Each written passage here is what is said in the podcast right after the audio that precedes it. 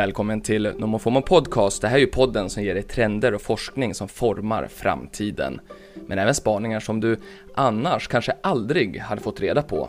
Som att Facebook-visselblåsaren Frances Haugen får hjälp av en av världens rikaste tech-miljardärer. Och hur känns det egentligen att bli halshuggen? Jag som DJar internet åt dig heter som alltid Niklas Hermansson. Och vi ska börja med en Wall Street Journal story för de rapporterar att läkare i USA, Kanada, Australien och Storbritannien har upptäckt ett nytt fenomen som drog igång i början på pandemin. De rapporterar att det är unga kvinnor som tar sig till läkarna och så visar de upp att de har tics. De rör sig konstigt och de säger och ropar och skriker. Och vad de har gjort enligt läkarna, det är att de har tittat på Tourette syndrom videos på sociala medier-plattformen TikTok. Och det här har tagit läkarna på sängen så att säga. Eh, tjejer med tics är ovanligt, skriver Wall Street Journal och nu så handlar det om tics som har utvecklats på kort tid och det handlar om många tics dessutom. Och efter att ha studerat tjejerna under några månader så kom de här läkarna då i USA, Kanada, Australien och Storbritannien fram till att de hade en sak gemensamt de var alla TikTokare, de använde TikTok mycket. Och det var då framförallt eh, Tourette syndrom TikTok-videorna. Wall Street Journal har hela storyn ifall du vill veta mer. Och apropå sociala medier så planerar USAs ex-president Donald Trump att lansera ett helt nytt medie och teknikimperium. Och han ska göra det tillsammans med företaget Digital World Acquisition Corporation. Och det här kommer ju såklart efter att han har blivit kickad och bannad och portad från såväl Twitter som Facebook. Nu ska hans bolag Trump Media and Technology Group, de ska sjösätta en ny social plattform och den ska heta Truth Social. Syftet, ja, det är att cancel, cancel culture. Det ska alltså vara slut på att man inte längre ska vara välkommen oavsett vad man gör, säger och heter. Det skriver Newsweek. Men eh, Trumps antagonist CNN, de har redan skjutit ner det här projektet som de anser är dumt att misslyckas. Och Bloomberg de rapporterar om att vi står inför kanske årets största teknikaffär. Det är ju Paypal då som håller på att titta på att köpa Pinterest och prislappen väntas ligga på 385 miljarder kronor och det skulle då bli Paypals största förvärv någonsin. Men det är ju också ett supersmart förvärv såklart. Det här skulle ju hjälpa Paypal, alltså betalningsföretaget, att bli en så kallad superapp. Alltså det är där man gör allting. Man både shoppar men man har också sin ekonomi där, ungefär som Alipay eller WeChat. De har ju redan nya funktioner på gång som kommer att komma. Till exempel så ska man ju kunna köpa aktier eh, direkt via appen. Eh, kan man då betala så här mycket pengar, 385 miljarder kronor, för Pinterest? Ja, det ska inte vara några problem. Det har, vi har ju sett en explosion när det kommer till online shopping här under pandemin och det har ju såklart stärkt Paypals aktier rejält.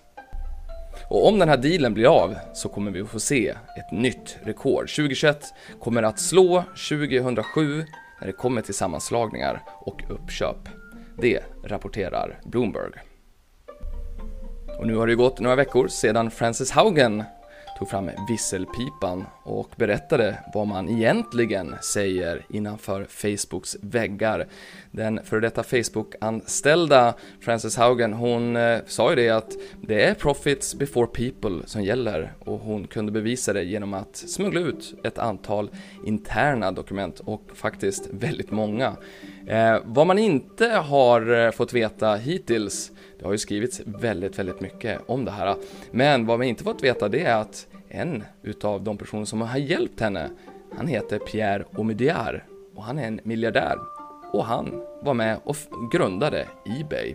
Han så en väldigt stor spelare i den här eh, online-världen. Han jobbar numera med filantropi och hans företag eller organisation Luminate som faktiskt också har hjälpt då Whistleblower Aid som är den organisation som hjälper Haugen med råd och med det rättsliga. Det rapporterar Politico.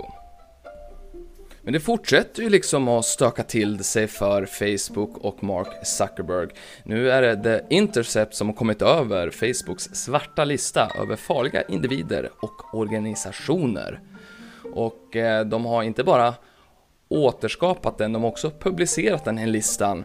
För de konstaterar att Facebook straffar somliga hårdare än andra. Mörkhyade terrorister verkar till exempel vara betydligt farligare än vita. Och nu ska vi vidare till underhållningsbranschen och en liten eh, stökig story får vi väl ändå säga. Det var ju 2015 som en snubbe som heter Martin Skreli, ja, han köpte Wu-Tang Clans väldigt sällsynta eh, album Once upon a time in Shaolin. Det finns ju bara ett ex utav det. Han köpte det för 2 miljoner dollar. Eh, men sen så blev han ju av med det där för det visade sig att han var ju en utpressare och han var ju en skurk på alla olika sätt. Eh, utan att gå in för djupt på den storyn så kan vi säga att han blev ju av med alla sina tillgångar. 7 miljoner dollar eh, flög ut genom fönstret, bland annat då den här skivan. Den här skivan som han själv blev väldigt kritiserad för att han köpte Ehm, de tyckte väl kanske inte att han var, eller de, folket tyckte inte att han var ett stort Wu-Tang eh, Clan-fan. Ehm, och han blev då arg på, på alla online och mm, hotade med att förstöra skivan. Men eh, den togs om hand av de amerikanska myndigheterna. Nu har en, ett NFT-kollektiv köpt den här skivan av de amerikanska myndigheterna för 4 miljoner dollar. Vi snackar alltså 35 eh, miljoner kronor. Det här skriver de flesta amerikanska medier om eh, just nu och eh, den här eh, NFT-gruppen heter Pleaser DAO och eh, vad de vill göra det är ju såklart att ta den här skivan in i NFT-världen. Men de vill också tillgängliggöra den för hela världen. Wu-Tang Clan har ju själva snackat om att de skulle åka runt med den här skivan, att man fick betala för att lyssna på den på museum och så, och att man absolut inte skulle kunna spela in någonting för att den ska fortsätta och kunna vara så sällsynt som den är. Och vi stannar kvar i musikvärlden för förra veckan så såldes en t-shirt på den anrika auktionsfirman Sotheby's för 150 000 kronor. Vi snackar alltså om en t-shirt från 1967 från bandet Grateful Dead. Den här eh, t-shirten den eh, trycktes i samband med en legendarisk spelning, The Cornell Concert. Och eh, därför så gick den här för så pass mycket pengar. Men det var faktiskt en annan t-shirt från Grateful Dead som såldes för nästan lika mycket. Och sen skulle jag vilja tipsa om ett reportage i Runners World om ett riktigt vidrigt lopp i Kina, Yellow Riverstone Forest 100K. Det var ju, gick av stapeln här tidigare i år och det var 172 löpare som var med i det här ultramaratonet. Men eh, 21 av dem kom faktiskt aldrig tillbaka. De brukar ha problem här med att man löparna svimmar av värmeslag. Som den här mytomspunna tävlingen hålls i den kinesiska öknen, nära gränsen till Tibet. Men när den senaste upplagan gick av stapeln så överraskades både löparna och arrangörerna av en helt annan sorts väderförhållanden. Alltså spöregn och iskyla. Och det slutade då med ett utav tidernas blodigaste lopp, 21 kom inte tillbaka. Och apropå blod så vill jag avsluta med en liten spaning som eh, jag hade i senaste numret utav Nomofomo Insights, alltså nyhetsbrevet som kommer varje onsdag. Och eh, jag noterade att enligt Amnesty så finns det fortfarande ett land som halshugger dödsdömda människor. Och eh, frågan är, vad händer då med kroppen och huvudet efteråt? I Game of Thrones och så vidare. Ja, då är det på, inte på riktigt, men, men vad händer när man halshugger någon på riktigt? Är det möjligt att känna smärta sekunderna efter halshuggningen? Så läste jag på lite grann om det där och 1905 så visade det sig att en fransk läkare närvarade vid en avrättning med syfte att försöka ta reda på om offret kände smärta då efter halshuggningen. Och när huvudet trillade ner i korgen nedanför den här giljotinen så ropade läkaren offrets namn. Och läkaren hävdade att mannen öppnade ögonlocken och tittade på läkaren. Och när ögonen stängdes igen då så ropade läkaren igen och så samma resultat, ögonen öppnades. Men den tredje gången så hände ingenting. Och då drog ju läkaren slutsatsen att ett avskuret huvud kan behålla medvetandet i 25 till 30 sekunder. Och den här läkaren kan, bisarrt nog, haft rätt, kan man konstatera 100 år senare drygt. För studier på djur har också visat på hjärnaktivitet efter halshuggning.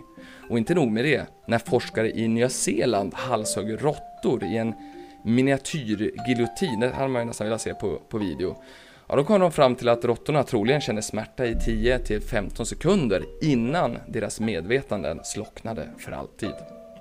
Så då kan man ju fundera sig, vad betyder då det här för oss människor? Enligt forskaren Kavita Kongara kan man anta att det som är smärtsamt för djur också är smärtsamt för människor. Så därför så drar hon slutsatsen att det faktiskt är fullt möjligt att ett hu halshugget huvud är, fortsätter att vara medvetet i en liten stund. Det säger hon till Discover Magazine och det land som fortfarande genomför halshuggningar enligt Amnesty är Saudiarabien. Och det var allt för idag. Nästa avsnitt släpps om en vecka. Se till att prenumerera på podden så dyker den upp automatiskt var du nu väljer att lyssna på poddar. Och om du gillar den här satsningen så får du gärna lämna ett betyg på Apple Podcaster. Din kärlek är poddens syre. Och nu så ska du ha en fantastisk dag, även ifall det är måndag, tisdag, onsdag. Men vi hörs igen på måndag.